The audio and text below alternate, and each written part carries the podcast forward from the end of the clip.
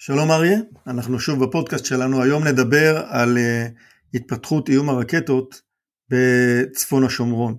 אנחנו עוקבים אחרי התופעה הזאת כבר כמה חודשים, הזליגה של טכנולוגיות ייצור הרקטות מעזה לאזור יהודה ושומרון, מדובר במעבדות uh, ייצור רקטות, לא צריכים יותר מדי מעבדות לדברים האלה, כי בסך הכל האמצעים שבהם משתמשים לייצור הרקטות הם מאוד פשוטים.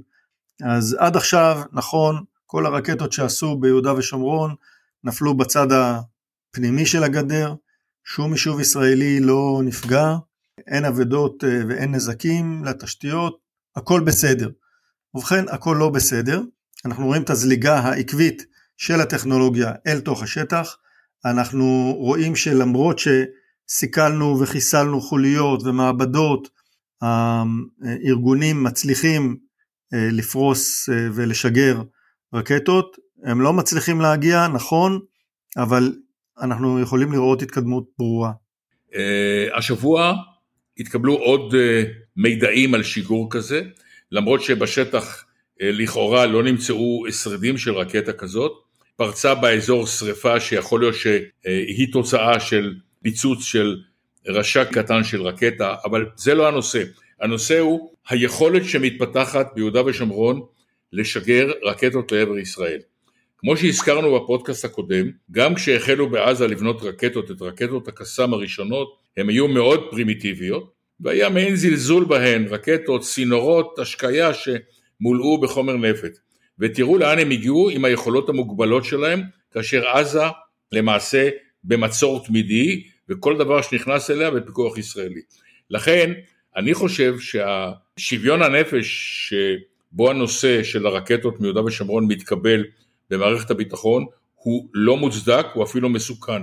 איראן ידעה גם בתחום הזה, היא מעבירה לארגוני המחבלים ביהודה ושומרון מידע וגם יכולות בדרכים שונות, ואין שום ספק שבחודשים הקרובים ובשנים הקרובות אנחנו נראה התפתחות של רקטות ביהודה ושומרון שיאיימו על יישובים ישראלים. כבר שמעתי השבוע דיבורים על הקמה של מערך התראה לאורך קו התפר, דבר שלא היה עולה על הדעת בעבר. אני חושב שההיערכות צריכה להיות בשני מישורים. ראשית, אה, למנוע את הדבר הזה על ידי אה, מתקפות נקודתיות על בסיס מודיעין מדויק, ולהיערך להתראה ולהגנה מפני שיגורים כאלה שללא ספק יקרו בשנים הקרובות. כן, אני חושב שבנושא הזה אנחנו צריכים כרגע להיות אה, הרבה יותר התקפיים. ברור שאם לא נעשה את הדברים ואם נגיע למצב משברי אז אנחנו נצטרך התראה ו- ומעקב, אבל אני חושב שאנחנו נמצאים כרגע בשלב של טרום יכולת, זה הזמן אה, אה, לגדוע את, ה- את הדבר הזה. אני שומע ממומחים בעניין ש... הנושא הזה של אה, ייצור עצמי של רקטות הוא תהליך פשוט ו- וכל אחד יכול אה, ללמוד אותו באינטרנט, זה לא בדיוק כך. לא כל אחד יודע לעשות את זה כמו שצריך, וגם כשיש בידך את החומרים, אתה צריך לדעת איך לערב אותם ואיך לדחוף אותם בתוך הצינור, ואיך לגרום לזה שהרקטה תטוס ולא תתפוצץ על המשגר, וזה מה שראינו בינתיים בניסיונות, רובם כושלים אבל אנחנו רואים ניסיונות שהולכים ומתמשכים. קשה לי להאמין שהניסיונות האלה נעשים על ידי אנשים שונים ואנחנו מצליחים לחסל כל שבועיים איזשהו מומחה רקטות אחר. התחושה שלי, וזו תחושה, היא לא מבוססת על אה, מידע, תחושה שלי שעוד לא שמנו את היד על המהנדסים בנושא הזה, וחשוב מאוד שניתן לדבר הזה עדיפות עליונה, למרות שהרקטות האלה כרגע לא מסכנות את מרכז הארץ אין להם את אותו אפקט שיש לרקטות מעזה או מלבנון, אבל האפקט העתידי של היכולת הזאת בתפוצה רחבה באזור השומרון או יהודה ושומרון, הוא אפקט שישראל לא תוכל לסבול אותו. עם כל ההגנה שנשים, עם כל המערך התראה, ההגנה על uh, כפר סבא ועל uh, כפר יונה ועל עפולה ועל uh, חדרה או חריש, ערים גדולות יחסית, שלא בעיה לכוון אליהם ולא בעיה לפגוע באיזה בית, אה, זה משהו שישראל לא תוכל אה, לחיות איתו.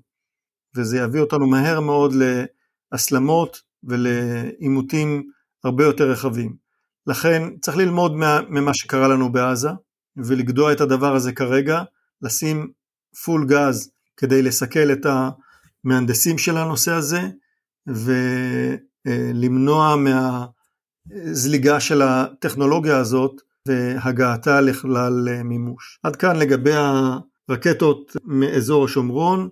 שוב, זה לא משהו שאפשר לזלזל בו, זה לא רקטות מקרטון, זה לא רקטות בלי רש"ק, זה בכלל לא משנה.